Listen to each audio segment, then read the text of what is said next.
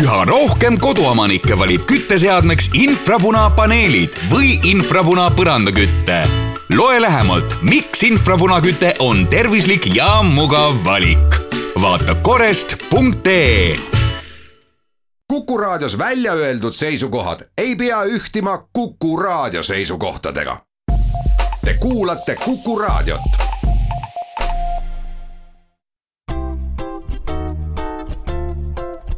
Patsiendiminutid,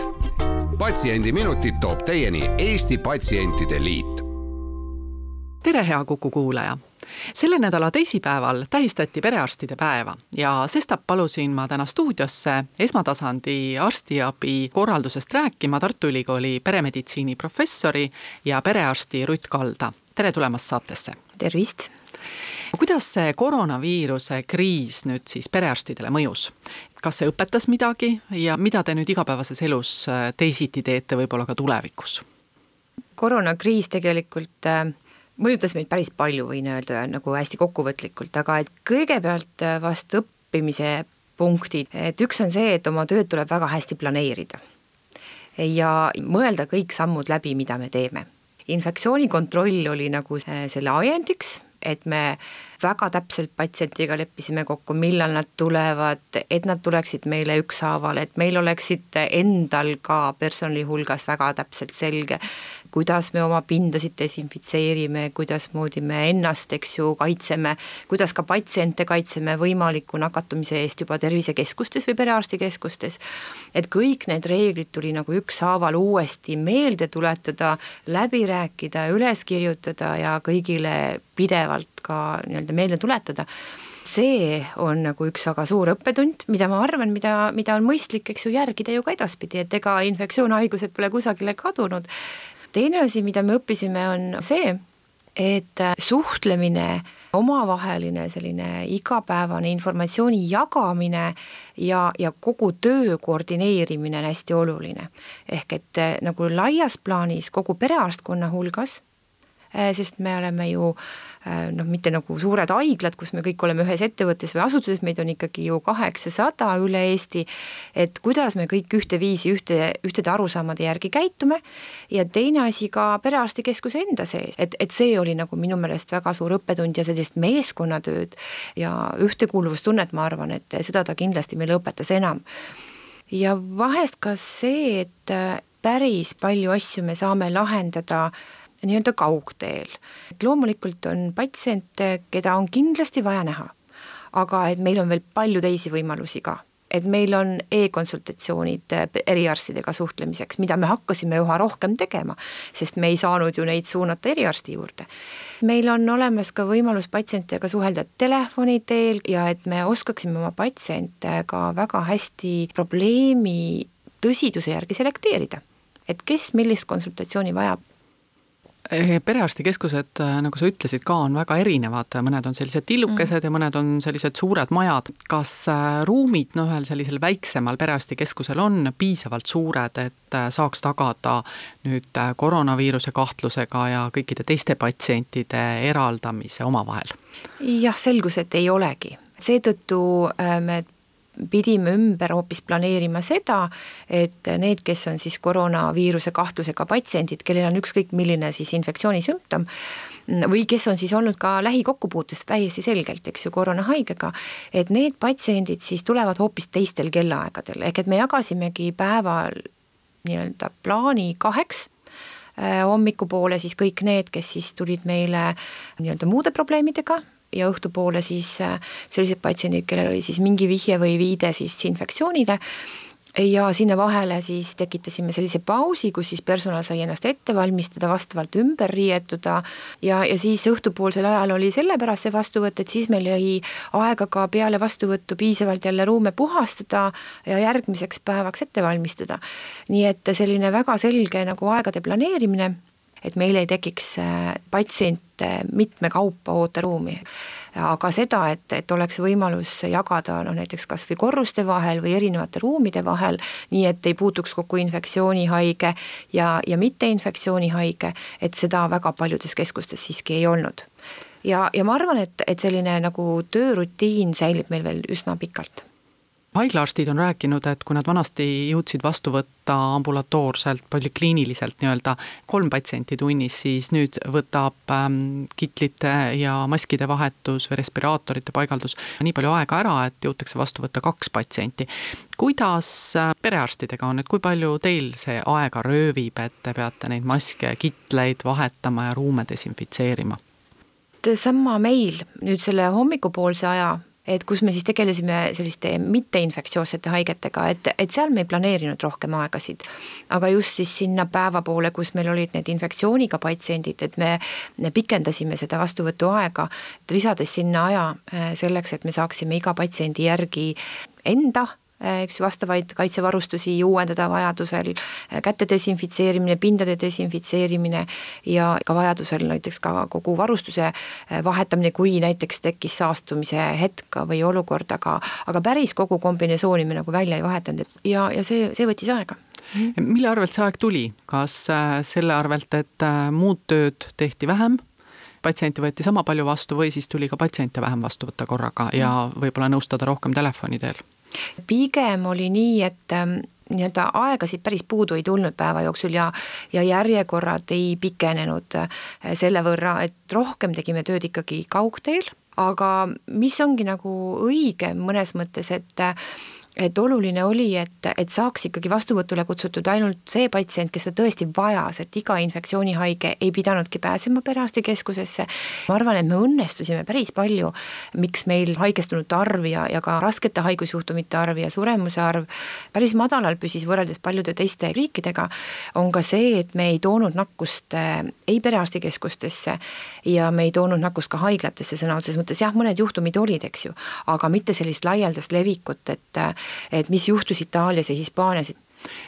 muide, kes äh, neid ruume desinfitseeris äh, patsientide järel, kas arst ise või, või oli teil mõni abiline? jah, et kõik selliste pindade ja instrumentide ja selliste uste ja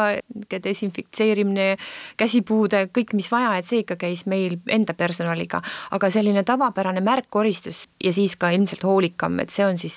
sõltuvalt sellest, et kuidas perearstikeskuses keegi on nagu planeerinud, et kas on oma koristusfirma, koristaja, mõni teenindaja, kes pakub seda teenust, et kuna meie töötame eh, Tartu Ülikooli Kliinikumi pinnal, et siis meil see koristusteenus on no, sisse ostetud.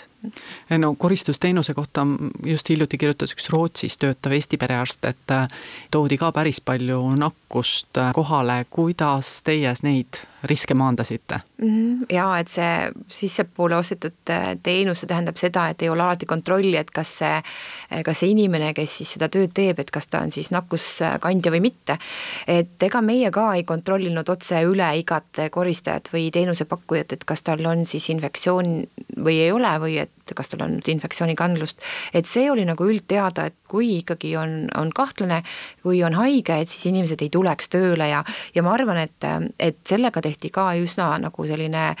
suur asi ära, et, et kõik need, kes siis olid infektsioonihaiged või kahtlased, et need said siis ka esimesest päevast alates kohe töövõimetuslehele jääda. ja ma arvan, et see suuresti tagas selle ära, et inimesed ikkagi jäid koju. vastasel juhul, kui nad ei oleks saanud siis tasustatud oma töövõimetust või töölehele jäämist esimesest päevast, siis ma arvan, et see probleem oleks võinud tekkida küll nii et äh, Eestis läks hästi ja ilmselt äh, üks põhjus oli ka see, et tegelikult see viiruse levimine üldse populatsioonis oli küllalt madal. jah, just. aga läheme siit korraks väiksele pausile, peatselt oleme tagasi ja räägime perearstindusest edasi. patsiendiminutid. patsiendiminutid toob teieni Eesti Patsientide Liit stuudios on perearst Rutt Kalda ja Kadri Tammepuu. me räägime täna sellest, kuidas koroonaviiruskriis perearsti tööd muutis ja läheme nüüd edasi selle teema peale, et kuidas perearstid tulevikus tööle hakkavad. kuidas nende respiraatorite, kitlitega varustatus täna perearstidel on, et kes teid varustavad või, või kust need isikukaitsevahendid personalile ostetakse? Sellel kriisiperioodil me saime hästi suurt abi ikkagi riigilt ehk et valitsuselt ja, ja Terviseametilt. Muudest kohtadest ka, et meil oli väga häid sponsoreid, ettevõtjaid, aga ma võin küll öelda, et, et see seis ei ole nüüd igal pool, igas perearstikeskuses selline, et oleks, ma arvan, piisavalt, kui tuleb järgmine laine mida ikkagi ennustatakse, et sügisel võiks uuesti koroonaviiruse puhang tulla. praegusel hetkel jäävad need valitsuse, riigi ja äh, Terviseameti abistamise funktsioonid nõrgemaks, ehk et igal perearstil kui ettevõtjal on ikkagi endal ka kohustus neid äh, varustusi uuendada ja õnneks on ka juba Eestis ikkagi neid pakkumisi, kas või visiiride näol, erinevaid maske toodetakse juba koha peal, kes siis nüüd äh, noh, vähegi hoolas on, ikkagi jõuab ka varuda sügiseks varusid ise. Aga nüüd, kui, kes ei varu, mis nende perearstide patsientidest saab? ikkagi kohustus on varuda ja valmis olla, aga mis siis saab, et kui ei ole, et siis riskitakse ikkagi nii enda tervisega, eks ju, perearst, kui siis ka nakkuse üleandmisega, kui ta juhuslikult on ise siis ohustatud olnud või nakkusekandja ka patsientidele, nii et, et neid reegleid peab ilmtingimata järgima, me loodame küll, et perearstid on sellest aru saanud sotsiaalminister allkirjastas läinud nädala neljapäeval ühe määruse ja seal ta püüdis siis ära kirjeldada, mis hakkab saama edasi Covid-19 kahtlusega patsientidest ja ütleme, inimestele pandigi siis selle määrusega kohustused, kellel kurk valutab, kes köhivad ja kellel on palavik, need peavad edaspidi ennast kindlasti perearstile üles andma. no selge see, et hiljemalt sügisel sellega määrusega seoses tekib perearstidel suur töökoormuse tõus. kas te olete mõelnud ka juba, et, et mis siis edasi saab, et kui patsient nüüd helistab perearstikeskusesse, kuidas siis äh, jada edasi läheb, kuidas arst kindlaks teeb, kas patsiendil on Covid-19 või mitte? Arutelu on tõepoolest olnud ja, ja soov, et mitte ainult sügisel, aga ka suve jooksul, et kui ikkagi on viirusnähtudega patsient, et siis äh, ta pöördub perearstikeskusesse ja et alati tehakse ka kindlaks, et kas seal taga võib olla siis äh, koroonaviirus ega teda mingil muul moel me ju teada ei saa, kui et saadame ta testima. nüüd see, et millisel viisil see testimise korraldus hakkab toimuma suvel ja siis sügisel, et see on praegu veel läbirääkimiste küsimus, et siin on mitmeid nagu selliseid mõtteid olnud, et, et kas see jääb perearstikeskuste tasemele või tehakse hoopis mingite teiste selliste asutustega koostöös mõte ongi selles, et iga patsient, kellel on viiruskahtlus, viirusnähud, et ta pöördub perearsti poole samamoodi, nagu ta siiani tegi, telefoni teel, siis sealt edasi saadetakse testima ja kogu järgnev käsitlus toimubki siis vastavalt testi tulemustele. sest meil ikkagi on ka veel teisi viiruseid ja pole ka mõistlik, kui ta ei ole koroonaviirus, jätta teda neljateistkümneks päevaks isolatsiooni, et kui me mõtleme ka sellele, et peaks elu nagu normaliseeruma, siis ta peaks tööle minema ju ju mingil hetkel ei peaks neliteist päeva kodus olema. aga kui suur see koormus tuleb, kas olemasolev lahendus kannab selle välja, kui meil nüüd neid drive-in keskuseid enam ei ole, et see kõik hakkab selguma, ma arvan nüüd jah, suve jooksul samas äh, perearstidel on nüüd uue määruse kohaselt ja oli ka varem oluline kindlaks teha nende lähikontaktsete ring, kellega patsient kokku puutus ja, ja kes siis peaksid jääma karantiini, kui tegu on Covid-19-ga. kuidas see käib, kas äh, arst ja patsient istuvad koos maha ja panevad siis need nimed ja aadressid kõik paberile. No suuresti on see vastutus siiski ka Terviseameti peal, et Terviseametis on kohe spetsiaalne ju osakond või ka inimesed, kes peavad siis tegelema selle Covid haigete või koroonaviiruse kandjate see lähikontaktide väljaselgitamisega. ehk et noh, perearst saab äh, patsienti küsitleda perekonna osas või et äh, kellega ta kokku puutus, aga ülesanne ja järelevalve ja kontakti võtmine on ikkagi ametkonna ehk et Terviseameti roll. et äh, neid, neid hakata nii-öelda jälitama, nõustama ja, ja regulaarselt siis ka võib-olla jälgima, eks ju, mis nad teevad, et see ei saa kindlasti perearsti roll olla et kui eriolukord on läbi ja alanud on hädaolukord, ehk siis tavaolukord äh, õiguse ruumi mõistes, siis äh, ka haiguslehe puhul enam ei maksta esimese kolme haiguspäeva eest hüvitist Haigekassa poolt. mis sa arvad, kas äh, tõenäosus on suur või on ta hoopis väike, et osad inimesed sel juhul, kui nad ei saa haigushüvitist esimesest päevast, äh, hakkavad oma haigust kuidagi varjama, eriti kui need nähud on sellised väga leebed, noh kurk natuke kriibib ja, ja võib-olla paar korda köhatad. mina isiklikult arvan, et see võib juhtuda küll eriti veel, eks ju, kui see on seotud olulise sissetuleku langusega. ja kui veel alahinnatakse oma sümptomeid ja võib-olla, et ei teata ka, et, et oleks olnud kokkupuudet kellegagi, aga nagu me näeme, siis see viirus on ju salakaval, et me ei oskagi võib-olla aimata, et kuskohast me selle saime, et neid juhtumeid on ju ka praegu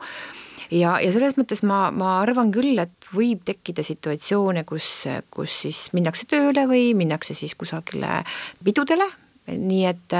ei anta endale nagu aru seda või lihtsalt eirataksegi väga selgelt, eriti kui me räägime sellest tööst, eks ju. Ma, ma tean küll, et praegu on arutelul ka see, et kas taastada see töövõimetuse hüvitise maksmine siis teisest päevast juba ja see mõte, et miks siis mingitel muudel nagu haiguste puhul seda ei teha, et, et see tundub nagu justkui mingite gruppide eelistamist teistele, no eks see on see küsimus, mis tulebki nüüd, ma arvan, läbi arutada siis kõrgemal ehk et riigi tasemel, parlamendis, valitsuses et äh, ka Terviseameti tasandil, Haigekassa tasandil, seetõttu, et äh, siin on kaks asja, et üks on see, et äh, milline on siis nagu meie selline üldine rahvatervise vaade sellele, et ja teine siis tõepoolest, et et, et iga üksik inimene siiski nii-öelda tunneks huvi või, või oleks nagu seotud kuidagi selle vastutusega, et ta, et ta ikkagi haigestumisel jääb koju ja ei nakata teisi, aga seda üksikisikut tuleb millegagi motiveerida? No praegune määrus ütleb, et teda motiveeritakse Terviseameti õigusega tulla teda koju kontrollima, aga ei tea, kas see karistamine just kõige parem motivaator on kui ma veel lõpetuseks küsin, et kuidas sa näed äh, perearstide tulevikuvaadet, just kui me räägime eakamatest perearstidest, kes kuuluvad ka sinna koroonaviirushaiguse gruppi, äh, põdeda seda haigust raskemini kui võib-olla meie sinuga, kes me oleme natuke nooremad. kas see võib olla üheks tõukeks, et äh, mõni eakas, võib-olla juba pensionieas perearst paneb oma ameti maha ja ütleb, et mulle aitab, need riskid on liiga suureks läinud see on, see on tegelikult hästi selline terav küsimus, sellepärast et meil tõesti on kolmandik lausa perearste, kes on selles nii-öelda riskigrupis oma vanuse tõttu juba üle kuuekümne viie aasta või ku- ja, ja teisalt on neid kindlasti eh, ka selles vanuses juba kroonilisi haigusi, aga ka nooremate hulgas kroonilisi haigusi. ja see probleem tõstatus üles juba praegusel nüüd eh, eelneva kahe kuu jooksul, eh, kus siis paljud perearstid ka andsid teada, et nad kuuluvad riskigruppi ja nad vajavad endale näiteks kas või abiarsti või abitööjõudu selle tõttu ja mitte ainult perearstid, aga pereõed samamoodi ja no me suutsime selle lahendada sellega, kui alati meie poole pöörduti, sest me ise organiseerisime ka sellised andmebaasid, kus me viisime siis abivajaja ja abipakkuja kokku. aga see, see probleem võib olla väga suuresti ajendiks ka, et, et kui enne näiteks mõeldi, et võib veel pensionieas töötada, siis see võib olla täiesti selliseks trigger'iks või, või päästikuks, mis paneb mõtlema, et kas tõesti, et kas ma ikkagi peaksin, eks ju, enda tervist ja elu ka ohtu seadma, et kui on ka palju rahulikumaid viise edasi elada. nii et see on üks selline murettekitav koht küll, mida peaks nagu arutama või mõtlema ka, et kuidas me edasi läheme nendes situatsioonides, kus, kus arstid on suure ehm, nii-öelda terviseriski all, aga teisaks mitte ainult selle, selle haiguse kui füüsilise, eks ju, haiguse riski all, aga see tähendab ka väga palju stressi ja vaimset läbipõlemist. et kuidas ma siis ikkagi korraldan oma elu, et mis on mulle siis oluline, eks ju siin, et, et see on, on selline praegu lahendamata teema, aga ega, ega head vastust ju ei ole hetkel sellele ka just, ja ilmselt äh, tulebki leida alguses ajutisi lahendusi, niikaua kui tulevad Just. tõsised lahendused. aga suur aitäh, Rutt, et sa täna aega leidsid ja tulid ja, ja täname ka kõiki kuulajaid. stuudios olid Tartu Ülikooli peremeditsiini professor ja perearst Rutt Kalda ja saadet juhtis Kadri Tammepuu. oleme taas eetris nädala pärast ja seniks olgem terved. patsiendiminutid Patsiendiminutid toob teieni Eesti Patsientide Liit